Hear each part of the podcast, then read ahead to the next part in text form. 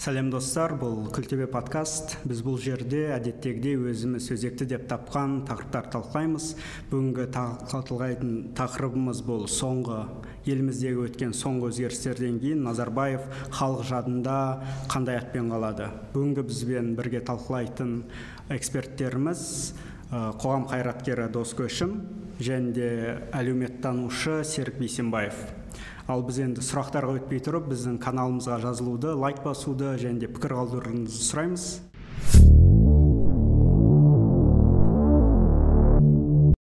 Жақында міне бесінші маусым күні республикалық референдум өтті.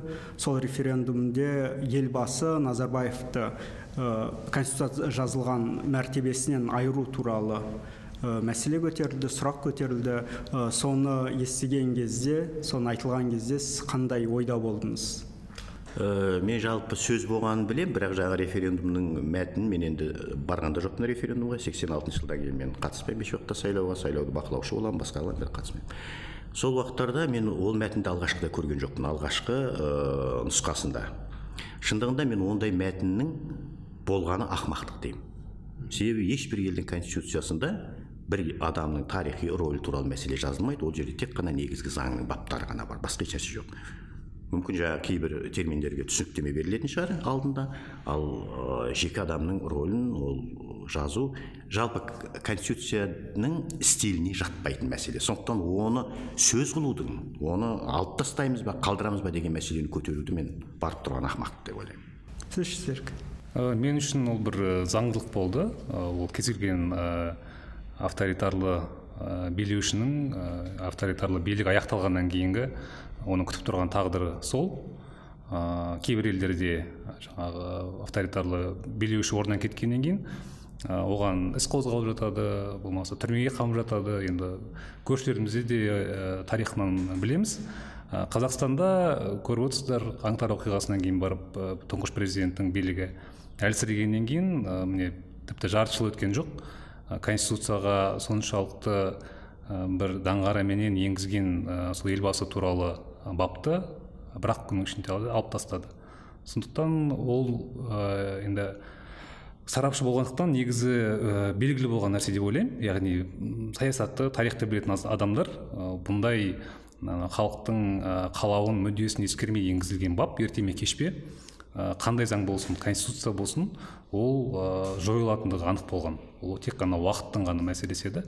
Сондықтан өз басым ешқандай эмоциясыз қабылдадым деп айтуға болады елбасының статусын конституциядан конституциялық мәртебесінен айырады деген кезде біраз эксперттер бұны ә, тоқаев қаңтар оқиғасынан кейін ә, алаңға шығып назарбаевке шал кет деп айқайлаған халық үшін назарбаев дәуірі кезеңі осымен аяқталды деген бір ә, символикалық жест ретінде де айтып жатты. Сіз қалай ойлайсыз енді осы өзгерістерден кейін назарбаев кезеңі шынымен аяқталды ма? Мен үшін назарбаев кеңес ә, кезеңі 18 жыл ма он тоғызыншы жыл ма кеткені. Он тоғызыншы жылы сәуір айында иә ұмытпасам. Сол уақыттан бастап аяқталды. Сол кетіп тоқаевқа тастады ғой. Одан кейін тоқаев екі айдан кейін сайлау болды. Мен сол кетіп тоқаевқа тастадым дегеннен кейін барып мен назарбаевты жоқ деп ойлаймын. Болды. Кейбіреулер айтады ғой мына жерде кітапхана мына жерде ақорда бірін бірін бақылап отырады екен. Жоқ. Егер президент болған тоқаев өзінің президенттігін жүзеге асыра алмаса жаңағылардың бәрі соны ақтау үшін жасалған мәселе. Ойбай мынау мынаған жұмыс істетпейді екен онда сен неғып президент боласың? Жұмыс істетпесе сен біреу кітапханадан біреу бақылап отыратын болса басқа болса иә назарбаевтың адамдары көп жерде қалды парламент ұстап отыр үкімет ұстап отыр ол белгілі мәселе. Бірақ сен президентке келгеннен кейін кез келген нәрсені ауыстыруға да құқың бар мүмкіндігің бар. Сондықтан оның бәріне менің өз басым менің ойымша он тоғызыншы жыл сәуірден бастап мен үшін қазақстан қоғамында назарбаев жоқ. Ал оның бәрін кейіннен көтеріп қаңтардан кейінгі қаңтарға дейін кем дегенде екі жылдан астам президент болды не істеді? Тоқаев мырза мысалы егер осыны ауыстыратын болса жоқ әлде қанынан кейін барып қана соның қажеттілігін түсінді ма жоқ әлде назарбаевтың кезеңінің халыққа ештеңе бермеген одан кейін түсінді ма мен оны білмеймін. Егер халықтың бәрі оны түсініп отырса тоқаевтың түсінбегені мен үшін таңқалатын мәселе сондықтан мен өз басым олай деп ойламаймын. Бұл қаңтардан кейін емес. Бұл менің өз ойымша осы отыз жылғы бойынғы келеңсіз нәрселердің бәріне кінәлі назарбаев назарбаевтың қыздары назарбаевтың туысқандары жақын жуықтары деп сол жаққа жіберіп мынау не дейді әуелі қоян жүгіреді мынау англияда артынан иттер жүгіреді ғой. Сол сияқты жіберді да оның артынан құлақтары салпылдап иттер жүгірді. О міне назарбаевтың бәрін тұқымдарын құртатын болдық дейді бірақ билік жүйесі жалғыз адам емес. Сол билік жүйесінің артында мысалы ұмытпасам бір жүз алпыс бес адамды олигархтар жинап алды ғой жаңағы халық ақшаларын бөліп беріңдер деп. Соның ішінде көп болса он адам шығар назарбаевтың туысқаны. Ал басқалар қайда? Демек биліктің жүйесін тоқаев сақтап қалғысы келді. Сол үшін құрбандыққа назарбаевтың туысқандарыменен бәрін берді. Және оған мынау қаңтар оқиғасы өте керек болды да және жақсы келді да соның. Жаңағы не дейміз? Иә бұл да революциялық түрде ә, жаңағыдай назарбаевтың туған туысқандарын ә, орға итеріп жіберуге бір ілік болды да бұл мәселеде. Сондықтан менің ойымша тек қана назарбаев емес еш уақытта бір топ не бір клан ә, бүкіл қоғамды өзгертіп ұстап отырмайды. Бұның қасында бәрі болды оның ішінде тоқаев та болды осы жүйені жасаған. Yeah. сондықтан осының егер мойындай білетін болса онда менің ойымша екі мәселе жасау керек еді. Не назарбаевтың осы уақытқа дейінгі жасағанының бәріне таза тексеріс жасау керек не мемлекеттік комиссия не азаматтық комиссия ма не құрылған комиссия. Не болмаса ә, осыған өздерінің де қатыстары барын мойындау керек. Қазіргі кездегі отқан жаңағы жүз елу бес жүз алпыс бес олигархтар мен қазіргі кездегі билікте отырған адамдардың бәрі. Сонда екі мың он тоғызыншы жыл мен екі мың он тоғызыншы жыл мен қаңтар екі мың жиырма екінші жылға дейін елде қос билік болды деп ойлаймын жоқ жоқ жоқ. Менің ойымша тек қана билік біреу ақ президент тоқаев соған жауап беретін да президент тоқаев осы уақытқа дейінгі сол он тоғызыншы жылғы сәуірден бастап жауап беретін. Тек сол. Ол қазір өзгерді ма ойыңыз? Жоқ әлде сіз жоқ мен сол, сол уақытта да талай айтқан уақыттарда мен айтқан тұғым бұл жаңағы ақорда мен кітапхананы ойлап шығарған мәселесі біреу ақ. Бірінші тоқаевты аман сақтап қалу керек болды. Ой ана жерде анау отыр ғой әйтпесе тоқаев қатырар еді. Ол өте жақсы адам еді деген сияқты да. Мына жерде анау үстінен қарап отыр ғой деген. Екінші бұларды біріне бірі қарама қарсы қойғысы келді. Бұл негізінен оппозициялық азаматтар соны шығарды да. Бірімен бірі соғыссын біріне бірінің арасына от тастайық мынау екеуі бөлініп отыр ғой деген сияқты. Билік еш уақытта бөлінбейді естеріңізде болсын. Билік бөлінді ма? Құриды оны жақсы біледі. Билік біреу. Өйткені екі мың он тоғызыншы жылы сіз бір интервьюіңізде айтып қалдыңыз. Ә, назарбаев толықтай биліктен кеткен жоқ. Өйткені ол ертең үстінен жаңа президент оның командасы іс қозғауы мүмкін. Ол міндетті түрде. Ол иә иә иә. ол дәл солай болып келеді да екінші бірінші президент кетеді екінші президентте енді әңгіме кореяны алсақ та жеткілікті ғой. Кореяда менің ойымша аман қалған президент жоқ родоудан бастап атылуға кетті не болмаса ұзаққа кетті. Көршіміз жаңағы алмасбек менің жолдасым жақсы досым оның да қазіргі жағдайы жаңағыдай отыр өзінің қойған адамы. Сондықтан бұл менің ойымша заңдылықта ә, мүмкін жүз пайыз емес шығар. Бірақ бұл белгілі деңгейде заңдылық болып есеп билікте. Менің ойымша назарбаев дәуірі аяқталған жоқ. Және конституцияның оның жаңағы елбасы ретінде статусынан айырылғанымен де аяқталмайды. Себебі назарбаев дәуірі дегеніміз ол бір жеке адамның мәселесі емес ол саяси жүйенің мәселесі. Яғни бізге назарбаевтан мұра болып қалған нәрсе ең басты нәрсе ол біздегі персоналистік автократиялық жүйе. Назарбаев жарайды екі мың он тоғызыншы жылы формальды түрде иә берді жаңағы билікті тоқаевқа қаңтар оқиғасынан кейінгі оның енді шынайы билік әлсіреді бірақ та саяси жүйе сол күйі қалып отыр. Ә, сол себепті тіпті назарбаев ертеңгі күні орнынан енді о дүниелік болғанның өзінде де ол дәуір аяқталмайды. Ә, неге олай дейміз? Енді мен әлеуметтанушы ретінде қарайтын болсам біз жаңағы енді қоғамдық пікірменен көп жұмыс жасаймыз. Сонда біз осы ә, былтырғы жылдың аяғында қазақстандықтар отыз жылдықты қалай бағалайды деген соны зерттеу жасадық. Ә, фокустық топ арқылы яғни адамдарды топ әр жастағы адамдарды жинап жаңағы талқылау түрінде сонда олардың ә, негізгі жаңағы енді осы назарбаевпенен тоқаевқа қатысты айтатын нәрсесі шын мәнісінде тоқаевта билік жоқ. Сол назарбаев баяғыдай тоқаевқа бұйрық беріп отқан сол ә, саясатты жүргізіп отқан сол деген бір қоғамдық пікір қалыптасқан болатын. Енді ол шын ба өтірік па ол енді ол басқа екінші нәрсе.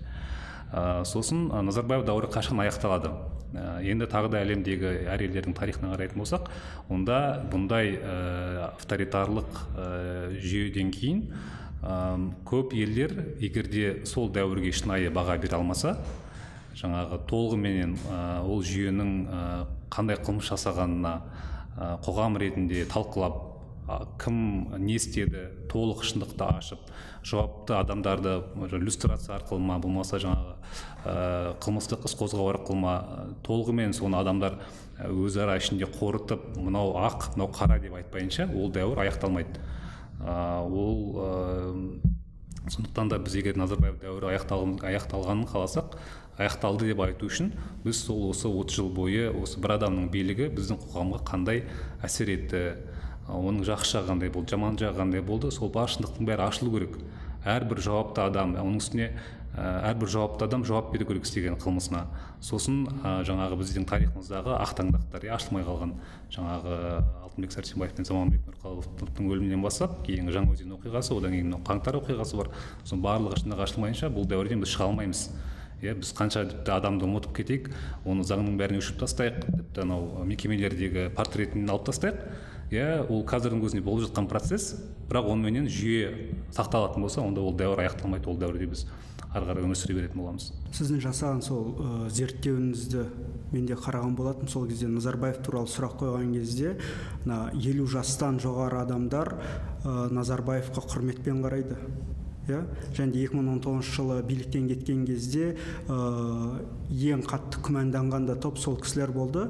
Ал қуанғандар керісінше жастар және де ә, орта буын өкілдері болды ғой. Қателеспесем солай ғой. иә енді бір статистикалық түрде оған бір дәлел ретінде келтіру қиын бізде себебі опрос жасаған жоқ сауалнама емес. Ол жаңағы фокустық топ ретінде.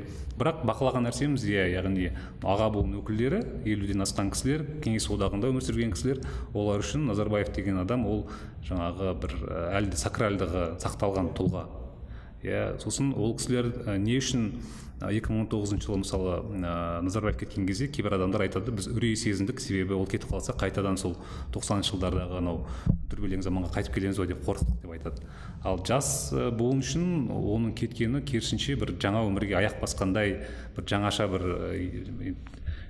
терезе ашылғандай бір әсер еткен болатын. Яғни сондай айырмашылықты байқадық. Ол жерде енді назарбаевтан шаршағандық па? Жоқ әлде қалыптасқан мына күнделікті жүйеден шаршағандық па? Назарбаев кеткен кезде екі мың он тоғызыншы енді жанынан бір жүйе болады өзгерістер болады деген сенім болды енді екеуі бір нәрсе енді назарбаевтан шаршау ол осы жүйеден шаршау. Себебі әсіресе жас буын үшін мысалы мен өзім енді қырыққа жақындап қалдым бірақ та менен кейінгі буын мысалы үшін отыз жастағылар айтады біздің өмір бойы көргеніміз назарбаев әліппені ашсақ назарбаев жаңағы қазақстан тарихын ашсақ назарбаев университетке барсақ назарбаев телевизорды қоссақ назарбаев. Ә, енді ол кеткен кезде біз қуандық жаңа жаңаша бір әлемге жаңағы жол ашылғандай сезімде болдық дейді да. Ә, сондықтан да бұл зерттеу ә, шын мәнісінде де мынау жас буын үшін назарбаевтың бір сакральдылығы жоғалғандығын көрсетеді. Ә, керісінше ә, әсіресе мынау жоғары білімді жақсы білім алған азаматтар үшін назарбаев көбінесе бір авторитар диктатор деген бір баға қалыптасып келе жатыр. Ә, бұл ә, тренд әлі де үдей түсе беретін болады. Енді мысалы үшін қаңтар оқиғасына алып келген нәрсе де осы қоғамдағы тікелей осы ә, жүйенің символына айналған назарбаевқа қарсылық болды ғой иә? Яғни шалкет деген ол шал деген тек қана жеке тұлға ретінде ғана емес осы жүйеге қарсылық болатын. Сол себепті ол бірге жүрген нәрсе яғни назарбаев ол тұлға ретінде символ ал жүйе ол адамның қарсылығы сол тікелей жүйеге байланысты болды. Айтқан уақытта мен жүз пайыз қолдаймын. Әңгіме жаңағы мен айтқан уақытта назарбаев тұлға есебінде он тоғызыншы жылдан бастап мен үшін жоқ дедім да ал жаңағы назарбаев дәуірі назарбаевтың жүйесі қалды. Бірақ осыған да менің ойымша бір не берген дұрыс сияқты. Терминді анықтап алған дұрыс сияқты. Мен өз басым назарбаев жүйесі дегенге келісе қоймаймын. Енді мен ғалым емеспін жаңағы зерттеуші емеспін ғой. Себебі бұл жүйе баяғы совет үкіметінің жүйесі. Сәл мүмкін өңін айналдырған шығар. Бұны кезінде тоталитарлық жүйе деді совет үкіметі кезінде қазақстанда авторитарлық жүйе деді бірақ оның ә, жалпы тағы бір атауы бар. Сол уақытта болған енді сіздер білетін шығарсыздар. Әкімшілік әміршілдік жүйе дейтін тұғын иә? Әміршілдік әкімшілік жүйе дәл сол сақталды. Бұл назарбаевтың ойлап тапқан жүйесі емес. Назарбаев соны сәл пәл болса жаңағы не дейміз сылап сипап ауыстырып әрі қарап ә, авторитарлық жағын басымдау болды да сол жүйені жалғастырды. Сондықтан бұл назарбаевтың өзін ойлап тапқан жүйесі иә оны шартты түрде назарбаев жүйесі деп қазір қабылдаймыз қолданамыз айтамыз. Бірақ назарбаевқа дейін осы жүйе болған жоқ деген емес. Бұл совет үкіметіндегі кәдімгі совет үкіметін құртқан осы басқару жүйесі биліктің осы басқару дәл солай келді да өйткені демократиялық ешқандай бір өзгерістер болған жоқ. Жаңағы айтамыз ғой биліктің бөліну тармақтарын тағы басқа деген сияқты болған жоқ. Тағы басқа сен керек десеңіздер бізде әкім деген сөз шықты. Әкім деген саған әкімдік көрсетеді жоғарыдан. Әкімдік әміршілдік жүйеден құтыламыз деп отырып біз әкім деген сөзді алып келіп салдық. Қысқасы бұл жүйе бар жүйе. Тек қана оның сәл пәл өңін айналдырып жаңа түрі жаңа типі. Және қаңтар оқиғасынан кейін бұл жүйе ешқайда кеткен жоқ? Кеткен жоқ. Ешқайда кетпейді де. Себебі сол адамдар сол басқарудың түрі тәсілі менің ойымша мүмкін бұлар жаңадан бірдеме жасағысы келеді де бірақ өмір бойы оң қолмен жазған адам сол қолмен жаза алмайды. Бұлар менің ойымша демократиялық бір әділетті қоғам дейміз ғой енді шартты түрде әділетті қоғамды бұлар бұл адамдар жасай алмайды. отыз жыл бойы осы жаңағы шартты назарбаевтың жүйесіне қызмет еткен бірге болған оның ішінде балташ тұрсынбаев бар оның ішінде соның идеологиясын жүргізген рысбек сәрсенбаев бар оның ішінде мұхтар әблязов бар министр болған осы жүйені жасаған адамдар. Сол күйінше қазір жас команда барды ғой мысалы үшін президент әкімшілігі? Ә, сол жас команданың өзін бұлар өздерінің бағытына ә, дайындап үлгерді да. Мысалы ә, мен енді ә, көп араластым сәлемімізді сөйлесем. Мысалы алтай күлгінов шетелден жақсылап оқып келген адам. Бірақ дәл сол байбек байбек дәл сол сияқты келді ғой анау австрияны мынау лондоннан бітіріп келді. Бірақ олар дәл сол күйінше. Өйткені оларды ә, бұл ағаларымыз енді өздерінің басқару жүйесіне әкеліп түсірді. Білмеймін. Сондықтан мен әр уақытта айтамын да өзгеріс болатын уақытта команда келу керек. Не бір саяси партия ма не бір қозғалыс тіптен болса бір клуб бау яки мен сияқты. Белгілі топ келмесе жеке жеке адамдар келсе бұлар арасына кіріп адаптировать етіп жібереді екен жаңағы. Өздерінің жағына шығарады өздеріндей менталитетке үйретеді екен. Енді жаңа айтып отырған назарбаев жүйесі деген шартты атпен айтқан жүйе қалғанымен қаңтар оқиғасынан кейін назарбаевтың мәлімдемесі болды. Мен 2019 жылы биліктен кеттім мен енді қатардағы зейнеткермін деді. Конституцияға енгізілген өзгерістерден кейін енді назарбаев елбасы туралы бірінші президент елбасы туралы конституциялық заң да жойылатын болады. Енді онда қазір назарбаев кім? Шынымен зейнеткер ме? Зейнеткер? Иә оның мүмкін жаңағы белгілі бір ойы да болуы мүмкін неше түрлі жаңағы пиғылы да болуы мүмкін саяси мақсатта болуы мүмкін. Ә, ең бастысы оның мүмкіншілігі қаржылық мүмкіншілігі де бар болуы мүмкін. Бірақ шартты түрде не дейміз формальды түрде ол зейнеткер. Зейнеткер есебінде мен он тоғызыншы жылдан бастап оны зейнеткер деймін болды менің ойымша әлі белгісіз оны тіпті өзі де білмеуі мүмкін. Ертеңгі күні тағдыры не болатынын ә, себебі шешім менің ойымша ә, ол былай жоспарлы түрде емес бір конъюнктурлы ә, конъюнктураға негізделіп жасалатын сияқты. Оған мысал жаңағы конституциялық реформада елбасына қатысты бапты біресе алмаймыз деді одан кейін екінші күні аламыз деді. Яғни біздің бүгінгі ә, мынау билік басындағы азаматтардың арасында да бір ортақ бір шешім ортақ түсінік жоқ сияқты. Ә, біріншіден екіншіден ә, тағы да егер де енді бір саяси процесс ретінде қарайтын болсақ ә, бұл кісі ерте ме кеш пе мынау қазіргі билік өзінің легитимациясын күшейту үшін анадан ана, ана, анаған қарама қай- қайшы қоюына ә, қоюына керек болады мәжбүр болады.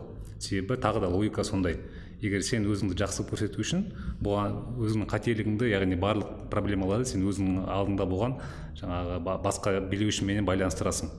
Иә ол тағы да заңдылық. Сондықтан да ә, енді іс қозғала ма қозғалмай ма білмеймін. Бірақ дегенменен де бүгінгі биліктегі отырған азаматтар осы назарбаевтың ә, мұрасын ә, енді оған дейін айтты ғой жаңағы тоқаев айтты ғой біз ол кісіге жаңағы ә, жақсы жағы да бар жаман жағы да бар деген сияқты мао цзедун сияқты қылып келтірді ғой енді қытайдың ә, несін мысалын келтіріп. Бірақ менің ойымша олай жабулы қазан күйінде ол бұл тақырыпты ұстай алмайды. Ә, негатив өйткені өйткені өте үлкен негатив жиналып қалған бұл кісіге бұл жүйеге. Ол шыға беретін болады. Былай ма ол саяси пра- партиялар қазір келетін болса ә, парламентке иә олардың да ә, повесткасында бұл тақырып болады. Өйткені бұл, бұл тақырып ә, қоғамда бар. Бұл тақырып әр азаматты әр қазақстандықты ә, ә, жаңағы қатысы бар. Сондықтан да менің ойымша бұл кісінің былайша енді қаралы болмаса да оған негативті жағын айту күшейе беретін болады. Ол енді аяғы неге алып барып келеді енді ол жағын айту қиын. Біз енді оның жаңағыда дос аға айтты ғой ә, тоқаев пайдаланып кеткендей болды ғой. Барлық негативті назарбаевқа оның отбасына артып енді бұл жерде өздерін сүттен ақ судан таза көрсеткісі келеді ғой. Бұл орайда енді бірақ оның алдында сіз жаңа айтқандай ә, назарбаевты тәуелсіз қазақстан негізін қалаушы деп айтқан болатын. Дәл тоқаев та айтқан болатын. Қазір ел алдында жүрген біраз жоғары лауазымды мемлекеттік қызметкерлер де айтқан болатын. Яғни жарты жыл бұрын ғана назарбаевты мадақтаған адамдар бүгін назарбаевты жаманда, жамандай бастады. Бұл тұрғыда енді азаматтық жа- жалпы біздің азаматтардың ә, назарбаевқа деген көзқарасын иә ауыстыру үшін мемлекеттік тұрғыда ә, бір саясат жүргізіле ма? Өте қызық сұрақ та. Жалпы не дейміз қазақстанды құрушы деген сияқты сөздерге мен өз басым жаңағы тәуелсіз мемлекет деген сияқты сөздер назарбаевқа мүлдем қатысы жоқ. Бұны ә, дәлелдеудің ешқандай қажеті жоқ. Мен бір ғана мысал айтайын. Тоқсан бірінші жылы ә, шілде айында ә, қызыл жұлдыз деген газетте ә, назарбаевтың сұхбаты шықты. Сол уақытта ол енді мен басқасын айтпай сол уақытта ол кеңес одағын сақтап қалуымыз керек жаңа одақтық шарт деген нәрсені алдымызға тартты. Тәуелсіздік алғанға дейін біз тәуелсіз болайық деген сөз назарбаевтың аузынан шыққан жоқ. Студенттерді алаңға біз бір рет алып шықтық бәрі айқайлап тұрды жаңағы сенаттың алаңындағыдай сол уақытта назарбаев алдына шығып ей мынау қырғыздар да тәуелсіз өзбек те тәуелсіз сонда біз автоматически тәуелсіздік болғаны боламыз ғой деген сөзі бар. Демек тәуелсіздік туралы бір сөз айтпаған адам тәуелсіздік алған мемлекеттің басшысы болғанның өзі абсурд. Бұл не істеді? Бұның басшы болғанда енді бұның бәрі ә, билікті басып алудың бір жолы болды оны, бас, оны басқа жаққа қояйық. Бірақ әңгіме соған дейін тәуелсіздік үшін осы қазақстанның күрескен адамдардың қатарына жатпайтын адам. Ол қалай тарихта солай қалады иә бұл идеология. Осыншама отыз жыл бойы бізге жаңағы идеологияны кіргізді. Осы бәрін істеген сияқты бірақ біз тіріміз ғой әлі сол уақыттарда. сексен сегіз сексен тоғызыншы жылдардағы азаматтар тіріміз. Кімдердің сол уақытта тәуелсіздік үшін күрескені сол мәселені көтергенін бәрін біздер білеміз. Оның ішінде назарбаев болған жоқ оны баяғыдан айтып жүрміз кітабында да жазылған сондықтан ол. Мен өз басым оған қарсымын. Иә тіпті біз жаңағы зерттеуімізде байқадық. Енді осы отыз жыл әсіресе соңғы он он бес жылдың ішінде бізде назарбаевты бір сондай енді ұлт көсеміне айналдырғысы келетіндей пропагандалық жұмыс жүрді ғой. Иә жаңағы елбасы статусын кіргізу деген сияқты оған атын беру көшелерге аэропортқа университетке деген сияқты. Сонда біз жаңағы зерттеуімізден байқағанымыздай ол кері эффект берген. Қаншалықты жаңағы имиджді қоғамға таңғысы келген сайын қоғам оны қабылдамай қарсы қабылдап керісінше оның жаңағы тәуелсіздік тәуелсіздік ә, негізін қалаушы деген ә, нәрсені мойындамайды жалпы алған кезде. Ә, оған ә, жетістігі ретінде мойындайтын нәрсе ол жаңағы қазақстанды халықаралық аренада таныттыға үлкен үлес қосты дейді. Ә, сосын жаңағы ішкі шекара мәселесін айтады ішкі тұрақтылықты сақтап қалды. Жаңағы алматыдан астанаға көшіргенін шешімін айтады. Ә, сонымен аяқталады. Ә, яғни экономикалық тұрғыдан саяси тұрғыдан ә, оның жетістігін жетістігі енді жоқ дегенге сондай негізгі нарратив сол. Ә, сол себепті ә, жаңағы ол тағы да бір ирония да қаншалықты енді осыған қыруар қаржы жіберді имидждік шаралар жүргізілді қаншама біздің пропагандист блогерлар бар осыған жұмыс істеді. Айналып келген кезде бәрібір тарих өзінің объективті бағасын береді. Өйткені сіздің зерттеуіңізде де халық соны айтып жатты ғой ең бірінші отыз жылда қандай жетістік деген кезде бұл экспоны айтты ә, астананы ауыстыру айтылды алматыдан иә. болғанда иә жетістік ретінде көрсетілді ғой. Ә, негізгі оқиғалар деген сұрадық сонда негізгі есте қалған оқиғалар сол экспомен байланысты. Бірақ соның барлығы назарбаевпен тікелей байланысты нәрселер ғой. Ә, сол ғой имидж сыртқы жаңағы қазақстанды әлемге таныту деген нәрсені иә ол назарбаевтың жеке жаңағы жеңісі жетістігі ретінде сонымен байланыстырады. Яғни бізді қазақстан ретінде жаңағы экспо өткізгенінде мысалы экспоны қолдайтын азаматтар бар. Олар айтады экспоның арқасында бізге талай азаматтар келді бізді жаңағы әлемде бізді біліп қалды дейді. Ә, соны иә назарбаевтың соның шешімі сонымен байланыстырады. Бұның бәрі идеологиядан туған пікірлер ғой қалыптасқан. Бұны жалпы көбісін шындық деп айтуға болмайтын сияқты. Біздегі тұрақтылықты сақтап отқан қазақ халқы. Қазақ халқының ә, не дейді жаңағы көрегендігі оның төзімділігі дейміз ба туысқаншылдығы бауырмашылдығы дейміз ба оған назарбаев таласа алмайтын шығар енді.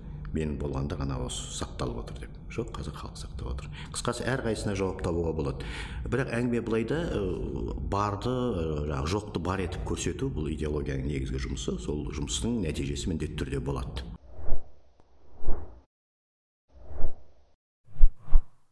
Енді жаңа идеология бойынша да ә, назарбаевтың ә, былтыр тәуелсіздіктің қарсаңында шыққан ә, тәуелсіздік тағылымы атты мақаласы болды қателеспесем. Сол жерде ол жазды тәуелсіздік қазақстан тәуелсіздікті қалай алғанын өзінің көз өз, оқыған шығарсыз иә өзінің көзқарасын жазды. Э, парламентте қалай жоғары совет кеңесте қалай ә, қарсы қандай қарсылық болғанын иә сегіз миллион орыстар тұрып жатқанын айтты. Қалай бөлініп кетеміз? Олар басқа мемлекеттің тұрғыны болып кетіп соларға қарсы қалай қарсылас болғанын жазған еді. Енді назарбаев өзін сол мақалада өте былай ұлтжанды адам ретінде көрсеткісі келді мен түсінгенім бойынша. Тарихты қайта жазғысы келді ғой иә? Жаңа интерпретация бергісі келді бірақ ол егер қолдан жасалған болса негіз жоқ болатын болса ол бәрібір енбейді тарихқа иә бірақ қазір енді бәрі салыстырмалы ғой енді. Біз қазір енді тоқаевтың президент ретінде қадамдарын көріп жатырмыз. Ол көбінесе жаңағыдай осы 30 жыл болған ә, бір ә, назарбаевтың қолданған политтехнологиялық бір қадамдарын қолданғысы келеді. Наурызда алматыға келді кішкентай балалардың қолынан ұстап немесе мешітке бару құттықтауы. Бірақ ә, назарбаевта жаңағы тоқаевқа қарағанда бойындағы қазақилығы көп сияқты болып көрінеді. Да тоқаевта бұл жасанды. Ал назарбаев бұны істеген кезде кәдімгі өзінің бойындағы табиғат сияқты көрінеді. Бұл тұрғыда жалпы ә, назарбаевқа өте көп мін тағылатын нәрсесі. Біз өзбекстан сияқты 90 жылдары тіл мәселесіне ден қоймадық дейді біраз қазақ. Иә бірден қазақ тіліне көшуіміз керек еді бірден оны заңда бекітіп барлығын қазақ тілін міндеттеуіміз керек еді. Бірақ ә, мемлекеттік пропаганда ол кезде қазақтың саны аз болды оның үстіне қазақ тілін білетін қазақтардың саны аз болды және де назарбаевтың көрегендігі ә, осы арбаны сындырмай көшті аман алып өтіп қазақтардың үлесін қазір жетпіс пайызға дейін жетті оның тұсында және оның көбісі ә, қазақ тілінде сөйлей алады деген бір нарратив бар месседж тартады сіз жалпы қалай ойлайсыз? Назарбаевтың ә, қазақтың ә, санасында жадында ә, ұлтшыл ретінде қалу ұлтжанды азамат ретінде қалыптасуы қалуы мүмкін бе? Э, былай да бәрін салыстырмалы түрде дейді ғой. Жаңағы сен айтып жатқан балдардың қолын алу көтеріп тұру деген сияқты наурызға бару менің ойымша бұл кешірімді бұл барлық саясаткерлердің істейтін ісі да. Біреулерге жақсы жарасады біреулерге жараспайды. Э, енді тоқаевтың өзінің не дейміз жаңағы өзінің ұстанымы сәл пәл бөлектеу. Шындығында оған қараған уақыттарда егер екеуін салыстырсаң назарбаев шындығында домбырамен өлең де айтады әзіл кейде анекдот айтып қойып ол халықтың арасында жаңағы судай сіңіп жүре беретін адам да ол ондай несі бар барлығының бар. Бірақ ұлтшылдық жағынан иә бізде қиын жағдай болды демографиялық жағдай басқа жағдай. Бірақ дәл солай салыстырған мысалы латвияны алсақ бізден де көп орыстар бар. Олар да тіл мәселесін шешіп қойды. бір жарым екі жылдың ішінде шешті. Қысқасы тіл мәселесі де басқасы да шешуге болатын еді. Тоқсаныншы тоқсан бірінші жылдары тілге деген жаңағы не дейміз көзқарас мүлдем басқа тұғын. Иә осы қазақ тілі осында мемлекеттік тіл оқуымыз керек дейді. Мен сонда қазақ тілінен сабақ беремін. Каспийде ұмытпасам үш топ болды менде. Кәдімгі топырлап келеді да қазақ тілін үйренейік деп. Сонда әрбір қазақ тілін беретін мұғалімнің арт жағында жүгіріп жүрді ғой адамдар. Курс ашыңдаршы қазақ тілін үйренетін деген сияқты. Ол уақытта өзгертуге болатын еді. Мейлі қанша сонда отыз тоғыз ба қырық па пайыз болса өзгертуге болатын еді. Әңгіме оған барған жоқ және барғысы да келмеген болу керек ол жерде. Сондықтан бір ұлттық бағыттағы қазақ дегенді ең бірінші орынға қоятын тұлға деп мен өз басым айта алмаймын. Енді өз басым білмеймін енді басқалар қалай қарайды? егер де шынымен де ол ұлтшыл ретінде танылатын болса қазір өздерін ұлтшыл деп жүрген азаматтар олар назарбаевты бір өзінің ә, енді идеологы дейміз ба бір символ ретінде оны пайдаланар еді бірақ ол керісінше тіп- ол анти ұлтшыл ретінде көбірек жиі- жиірек аталатын сияқты. Сондықтан иә бұл жерде бірақ мен осы жерде бір нәрсе қосып жіберейін кешірім сұраймын. Өкінішке орай тоқаевтың егер салыстырғанда назарбаевпен қазіргі ұстанып отырған саяси бағыты және жүргізіп отырған жұмыстары ә, назарбаевтан да нашар. Қазақ тіліне деген ұлттық мәселеге деген. Оны барлық жағынан көріп жатырмыз білмеймін мүмкін бұл ресейдің жағынан белгілі бір ә, не дейміз ә, қысым ба? Енді саяси жоғары жақта өздерінің ойындары бар ғой. Бірақ ә, егер дәл ұлттық мәселеге салыстырған уақыттарда тоқаевтан назарбаев артық болып кетеді. Бұны сұраудың да себебі мынада. Бізде он жетінші жылы ма қателеспесем рухани жаңғыру бағдарламасы қабылданды. Және де рухани жаңғыру бағдарламасы қазақ тілінде жазылып қазақ тілінде жолданған бірінші және соңғы не болды бағдарлама болды қателеспесем. Қазақ тілінде жарияланды бірінші болып бірақ қай тілде жазылғаны белгісіз өйткені орыс тіліндегі бағдарламаның орыс тіліндегі нұсқасы бір үш төрт күннен кейін бірақ шықты. Сол кезде бұны бір қазақ тілді жұртшылық үлкен сигнал ретінде қабылдады. Біз міне санымызды өстік ә, біраз буынымыз қатты.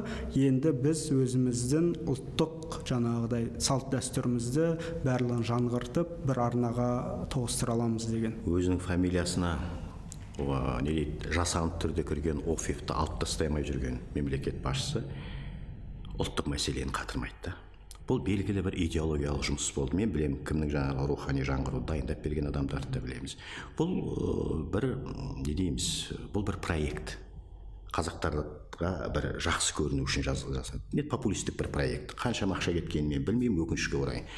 Кез келген нәрседе мен енді прагматик дей ма практик дей ма мен нақты нәрсені жақсы көремін да егер ұлттық жаңғыру басталған уақыттарда ең бірінші үш нәрсе айту керек еді. Ал мына офифтен құтылыңдар балдарыңды қазақ мектебіне беріңдер қазақша жазыңдар қазақша сөйлеңдер деген үш нәрсе болса ұлттық жаңғыру сонда болатын еді. Біз қайталап нағыз қазақтық деңгейімізге келеміз. Ә, қазіргі ә, не дейміз өмірде қазіргі заманның талабына сай бірақ ұлттық негізі бар жапондықтар сияқты сондай керек ананың бәрі ішінен бірдеме ұстап таба алмайсың да жаңағының бәрін қарасаң. Бұл не дейді әйтеуір аты бар жаңғырығы бар әр жерде. Соны кез келген адамдар пайдаланды оның арт жағынан проекттің артынан проекті кетті ақша кетті. Соныменен сол күйінше қалды. Менің ойымша ешнәрсе берген жоқ. Бұл белгілі бір кезең болды халықпен қазақпен ойнаудың белгілі бір кезеңі деп ойлаймын мен бұны. Енді кез келген билікте отырған азамат ә, мейлінше қоғамдағы жаңағы сұранысты ә, қанағаттандырғысы келеді ғой. Ал енді жалпы қазақ ұлтшылдығы ол үлкен жаңағы сұраныс иә ұлтшылдық деген енді бір қозғалыс деп айту қиын бірақ бір үлкен жаңа нарратив болды иә осы тіл мәселесі жаңа тарих мәселесі деген сияқты. Ыыы сол именно этникалық қазақ қазақ этникалық тобының бір мүддесі ретінде бір сондай қоғамдық кеңістікте сұраныс болды. Сол сұранысқа жауап ретінде ә, назарбаев тарапынан оның әкімшілігі тарапынан үнемі жауап болып отырды.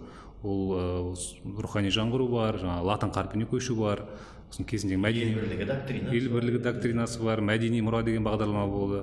Сосын жаңағы ә, қазақ тілді аудиторияға басқаша месседждер беру иә бір сөздерді қолдану арнайы орыс тілді аудиторияға басқаша сөздер беру деген сияқты бір енді саяси технологияның бір түрі болды. Ал енді өзінің жүрегіменен енді менің ойымша оның ол прагматик иә ол коммунистік идеологияда көрген жаңа ә, капиталистік жаңағы нарықтық заманның соған бейімделуге тырысқан азамат. Ә, демократияны да иә жүйе ретінде қарастырып оның да бір белгілі бір атрибуттарын енгізгісі келген. Сондықтан да ол барынша бір бейімделу енді саяси жануар деген түсінік бар ғой. Саяси жануардың бір ең бір айқын не сияқты да өкілі сияқты иә. Өйткені екі сол бағдарлама шыққан кезде біраз қазақ қуанды. Сакральды қазақстан деді енді қайтадан біз өзіміздің тарихымызды жаңғыртатын боламыз деген сияқты сарында нәрселер болды айтылған болатын. Енді ә, қазір назарбаевты жай ғана зейнеткер деп жатырсыз ғой. Бірақ соңғы референдумның алдында ол әшімбаевқа данияр әшімбаевқа интервью берді. Да телеграм арнасында жарияланды. Енді қаншалықты беріп бергені белгісіз бірақ назарбаевтың интервью деп шықты. Сол кезде ол ә, мен халықтың 97 пайызы қателеспесем қолдады және де сондай қолдауға ие бола тұрып мен президенттіктен өз еркіммен кеттім деп айтқан болатын. Енді сіз қазір халықтың ішінде зерттеп жүрсіз ғой пікірін. Қалай ойлайсыз егер дәл қазір назарбаевтың рейтингін ә, сұрастырып зерттетін болса қандай деңгейде болады? Енді біз ә, сауалнаманы ә, үнемі жүргіземіз ғой енді иә? Соны екі мыңыншы жылдар екі мыңыншы жылы ондардан ондардан бастап осы назарбаевқа қатысты бізде рейтингісіне қатысты сұрақтарды қойып жүрдік әр енді әр зерттеу орталығында жұмыс істедім. Ә, сонда орта есеппенен халықтың алпыс жетпіс пайызы оған сенеміз деп жауап беретін. Ә, яғни қоғамда оны қолдау болды оны мойындау керек иә оны енді ар жағында қорқыныш тұрды ма болмаса одан басқа кім бар деген ой тұрды ма? Бірақ та егер де жаңағы ә, саяси лидер ретінде оның легитимдігі болды. Ә, қаңтар оқиғасынан алдында біз жаңа зерттеу жасадық қой. Отыз жылдыққа байланысты. Сонда фокус группа барысында да біз жаңа сұрақ қойдық. Ә, әр саяси тұлғаға осы қазақстанның тәуелсіздігінде ықпалы бар. Соған қандай баға беруге болады деген кезде назарбаевқа қатысты пікір екіге жарылды. Бір жағынан жағымды бір жағынан жаңағы неоднозначный. Иә яғни жақсы жағы да жаман жағы да бар деген сияқты. Бірақ жаңағы өзіңіздің айтып жатқаныңыз неоднозначный дегенді енді аударсақ ол жаман деген нәрсе емес қой. Ол жаман жағы да бар жақсы жағы да бар деген сөз. Яғни бір енді қаңтар оқиғасынан мүмкін өзгерген шығар бірақ та енді жалпылама былай қоғамда бір үлкен жалпы қоғамдық пікірді қарастыратын болсақ оған енді негатив басым болды деп айту қиын. Негатив болды әр, әр, бір, бір белгілі бір сегменттерінде. Сондықтан да ә, дәл қазір егер сауалнама жасайтын болсақ мүмкін елу де елу болып қалар ма енді кім біледі иә. Бірақ та бұл жерде ә, сауалнама деген инструменттің ә, жаңағы өзінің шектеулері бар екендігін ескеру керек. Себебі бізге жаңағы енді анкетамен сұрақ қойған кезде сіз әр жаңағы тұлғаға қандай баға, баға бересіз деген кезде азаматтар бөтен азаматқа мен біреуді жек көремін деп айту біздің мәдениетімізге онша сәйкес келмейді. Оның үстіне біз сияқты авторитарлық саяси жүйелерде мәдениетте жаңағы басшылыққа қарсы сөз айту деген нәрсе өте қиын психологиялық қиын нәрсе өйткені қоғам өте конформист болып қалыптасады да. Ол нәрседен арылу өте қиын. Ә, соны да ескеру керек. Ә, сол, сол себепті соны ескере отырып мен сол елу елу деп болжау болжау жасайтын едім сіздің пікіріңіз бар ма?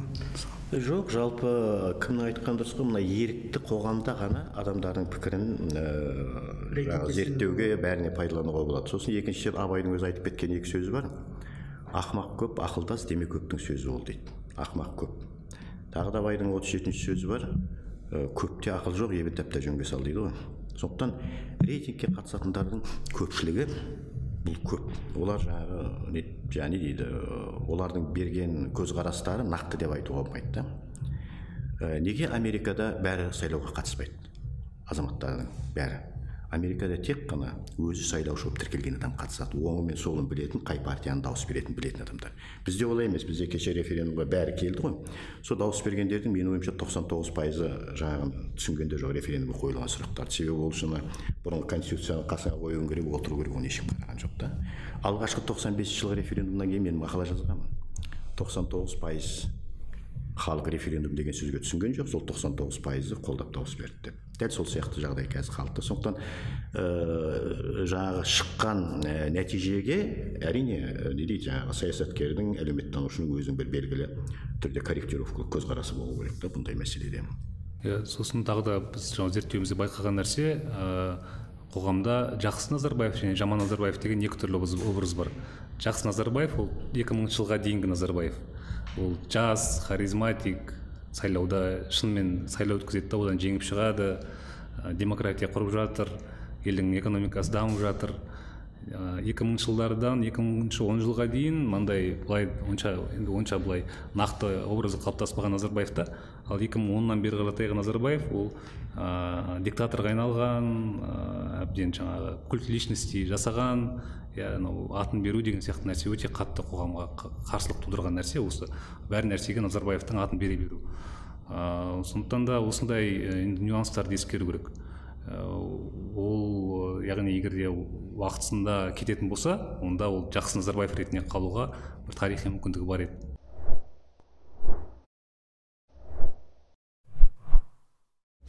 Қоғамдағы өзгерістерді зерттеп жүрсіз ғой. Сіз мынандай тенденцияны байқамадыңыз ба? Мүмкін бұл қателесетін шығармын.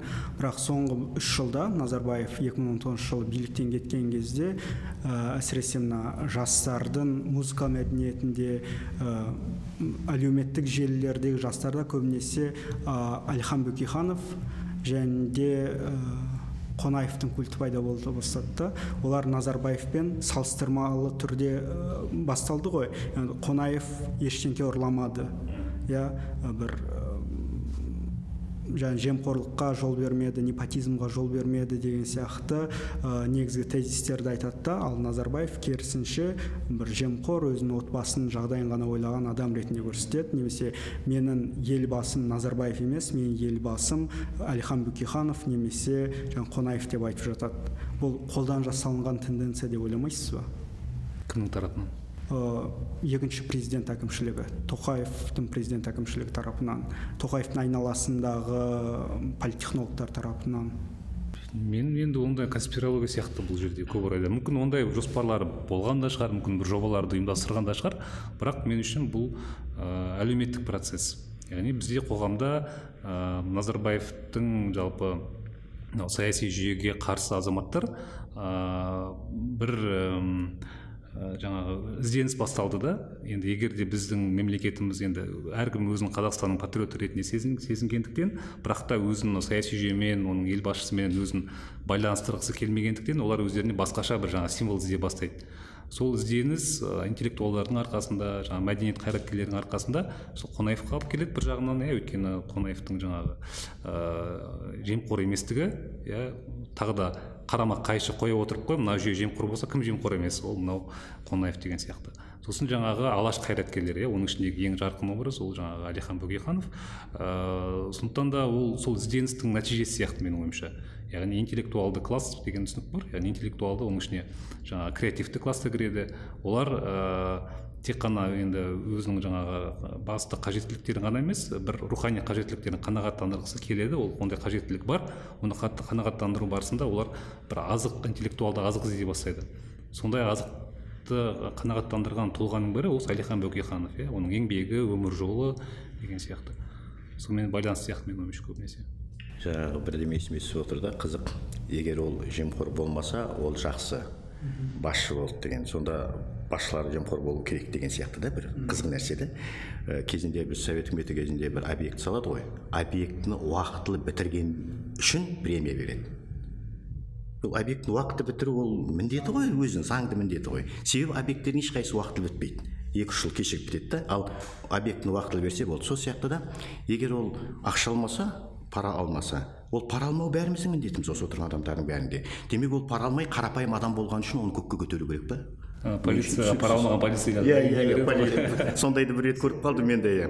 Жаңағы пара алмаған үшін полицейге қонаевқа да байланысты осы мәселе да ал шындығында дұрыс. Әңгіме бәрі салыстырмалы жерден көрінеді да кімменен? Назарбаевпен кімді салыстыру керек деген уақытта міндетті түрде қонаев шығады. Оның қасында өйткені ол біріншіден сексен алтыншы жылғы оқиғаға да байланысты қонаевпен екеуі салыстырды сондықтан екеуін салыстырғаннан кейін назарбаевты жек көретіндер қонаевты жоғары көтереді. Қысқасы бұл халықтың арасындағы пікірлер сайысы болады да көзге көрінбейтін пікірлер сайысы. Сол уақытта әрине қонаев ә, біршама жоғары тұратын айдан анық ал шындығында оның да жаңағы мао демей ақ қояйық. Ден жазғанын өзім көрдім. Менің жасаған жұмысымның алпыс пайызы қытайға жақсылық әперді қырық пайызында қателер жасадым деген сияқты. Сол сияқты әрбір басшы әрбір адамда екі жағы қатар жүреді біз періште емеспіз. Сізге андай бір ә, параллель көрмейсіз ба назарбаев пен қонаевтың жалпы бір тағдырлас адамдар ретінде 86 жылға көтеріліс болды желтоқсан көтерілісі болды. Артынан қонаев биліктен кетті. Иә сол беті жаңағыдай ә, зейнеткер ретінде қалды ғой. Назарбаев қаңтар оқиғасы болды. Назарбаев биліктен кетті. Енді ары қарай зейнеткердің күнін кешуде бүгін. Мүмкін сәл пәл тек хронология жағынан бар шығар бірақ ә, кім қонаев өзі арыз берген 85 жылы. Арыз беріп мен кетем деген. Және менің білетін мәліметтеріме қараған уақытта ә, қазақстанға басқа жақтан басшы әкел деп өзі сұраған горбачевтан. Өйткені өзінен кейін келетін назарбаевқа өзі сенбеген. Ол енді сексен бесінші жылғы гурьевтегі оқиға бар жаңағы нефтяной регион жасаймыз анау мынау ол басқа мәселе ол ұзақ мәселе. Бірақ шындығында да горбачев оны өзім телевизордан көрдім. Қонаевтың өзі айтты басқа жақтан адам жібер деп дейді. Өйткені ол өзінен кейін келе жатқан екінші назарбаевқа сенбегені рас. Сол кезде қарама қайшылыққа шыға бастаған ғой екеуі иә иә сол уақыттан бастап шыға бастаған. Бірақ менің ойымша екеуінің өмірде жаңағы өмір сүру заманы да бөлек. Ең бастысы ол уақытта қоғам бөлек тұғын. Біз ол уақытта қазіргідей қоғамда емеспіз. Ол уақытта совет үкіметінің жетпіс жыл бойы бүйтіп қалған қоғамында отырдық та. Сондықтан менің ойымша қонаевқа сәл пәл де болса жұмыс істеу елді басқару оңайлау болды. Тоталитарлық жүйе кезінде ол мүлдем бөлек. Ә, назарбаевқа шындығында қиын болды. Бірақ бұның жаңағы өзінің қулығы бар ә, ақылы бар ә, жаңағы алдау сулаудың бәрін жақсы білетін бар бұл осыдан өте білді да шындығында. Бұның заманы шындығында да енді екі мыңыншы жыл деп жатыр ғой тексеру біздің өзіміздің жігіттердің арасында көбінесе тоқсан жетінші жылға дейін қазақстанда сәл пәл ә, ерікті сәл пәл да болса дамуымыз жақсы болды тоқсан жетінші жылға дейін деп айтады көптеген мына саясаткерлер біздің енді дейміз ескі гвардияның адамдары. Сол тоқсан жетінші жылдан кейін өзгеріс басталды үлкен өзгеріс. Соңғы сұрағым жаңағыдай конституциялық өзгерістер енгізіліп жатыр. Бұны жаңа қазақстан деп айтып жатыр әділетті қазақстан болады деп жатыр. Бірақ жаңағыдай өзіңіз айтқандай ә, барлық жамандықты назарбаевқа артып қойып оның туысқандарына артып қойып тек қана соларға қазір тиесілі активтерді байлықты ә, саяси билікті бөлісуге алып кетпей ма бұл? Былайда бұл жерде екі мәселе бар сияқты. Біріншіден мүмкін тоқаев мырза әйтпесе оның қасындағы командасы барлығын бірдей қазір тексеруді өте қиын өйткені қаншама жау тауып алады қаншама топ тауып алады. Мүмкін әуелі ең негізгі жаңағы не дейміз айдаһардың басын алып алайық. Одан кейін келесіде осылардың бәрі әрі қарап тексеріледі дейтін шығар. Мүмкін ол келеді ма деп мен өзімше үміттенемін да ә, әңгіме екінші мәселе ә, тексеріс болып та жатқан жоқ қазір. Жаңағыдай жеке жеке адамдардың жұмыстан кетуі жеке адамдардың ұсталуы не болмаса ақшасын мемлекетке беруі онымен тексеріс деп ойламаймын. Сондықтан біз құқықтық мемлекетпіз деп конституцияға жазған елміз ғой. Демек құқықтық мемлекетпіз осындай мәселелер шығып жатқан уақытта назарбаев па тоқаев па айту керек ей жігіттер не? Ақ болайық не қара болайық келіңдер тексерейік. Осы отыз жыл бойы істеген деген мәселе қазір келіп тұр. Бұл тоқаевқа да жақсы. Міне мен ашықтан ашық тексеруге рұқсат беріп отырмын ал тексеріңдер шыға ма бірдемелері иә жазаға тартылады. Қарапайым адам сияқты. Өйткені оның ешқандай бір несі жоқ жаңағы бір оған ә, соттауға болмайды деген тексеруге болатыны бұрыннан бар тұғын. Қысқасы егер осыны жүзеге асырса мүмкін бір белгілі бір түрдегі қоғам өзгерді ау деп айтатындай мәселе болады. Ал егер ол болмай жаңағы базардағы әйелдер сияқты ой анау жаман ғой ана қызы жаман ғой анау мынау деп жүре беретін болсақ ол ешнәрсе өзгермейді. Қайталап ә, жаңадан түлеген әкімшілік әміршілдік әлі сақталып отырған сол жүйе әрі қарап дами береді тек қана фамилия өзгереді. Келісемін шын мәнісінде қазір егер де енді әлеуметтік желілердегі бір жиі айтылып жүрген бір ой ол егер де сол назарбаевтың туысқандары ә, олардың ә, активтері сотталып болмаса елге қайтып келетін болса онда одан кейін бізде бәрі жақсы болады деген сияқты бір иллюзия бар сияқты. Себебі мәселе ол жеке тұлғаларда емес ол тағы да саяси жүйеде. Яғни егер де біз тек қана сол персоналигіне қарап тек солардың ғана жаңағы мынау биліктен кеткенін ғана біз жаңа қазақстанның белгісі ретінде қарайтын болсақ онда өкінішке орай біз тағы да сондай бір 30 жыл енді басқа бір диктатордың ә, жүйесіне ә, айналып келуіміз үлкен әбден екенін түсінуіміз керек. Ә, тағы да бұл тікелей тоқаевқа қатысты нәрсе емес ол саяси жүйеге қатысты нәрсе. Ә, мен өзім осы референдумда бақылаушы болып жұмыс істедім. Бірінші рет өз тәжірибемде. Сонда көрген нәрсем жаңағы сайлау учаскелеріндегі комиссия ол бұрынғы комиссия ешқандай өзгермеген. Яғни бұрынғыдай олар жаңағы сайлаудың нәтижесін өзіне жаңағы жоғары жақтан түскен тапсырыс бойынша қажетті нәтиже беруге соған бағытталған. Оның үстіне жаңағы осы биылғы жаңа технология ол ә, басқа фейк бақылаушыларды қойып қойып оларды шынайы бақылаушыларға қарсы қою деген нәрсе. Бұл да бұл біздегі жаңағы мынау ә, шынымен демократияландыруға деген ниеттің жоқтығын білдіреді менің ойымша. Ә, ол енді кейбіреулер айтады ол жекелеген учаскелерде ғана болды ол болмаса сол председательдердің өзіне байланысты деп ол олай емес ол ұйымдастырылған жоспарланған нәрсе. Себебі тағы ол жоғары жақтан бастап осы жүйенің сақтап қалуға деген талпынысын білдіретін сияқты. Сондықтан да мен азаматтық қоғам өкілдерін жалпы зерттеушілерді осы нәрсеге назар аударуды көбірек жаңағы шақырамын да. Осы жүйелі түрде қарастырайық процесс ретінде қарайық. Баяғы жартас сол жартас күйінде алып тұр ғой. Енді сөз соңында ойланбастан өте жылдам назарбаев кезеңіндегі сіздің ойыңызша екі артықшылығы және екі кемшілігі. Ойбай ол ойланбастан айта алмаймын. Бірден айтайын ойланбастан айта алмайды екенмін. Онда бір ғана кемшілігі демократиялық институттарды орнатқан жоқ. Кемшілігі артықшылығы артықшылығын білмейді екенмін енді орысша қазақша жақсы өлең айтады. Басқа президенттер оған жете алмай қалады. Енді маған оңайырақ жауап берген себебі жаңағы зерттеу жасадық қой. Сонда негізгі жаңағы жетістік ретінде айтатыны болашақ бағдарламасы.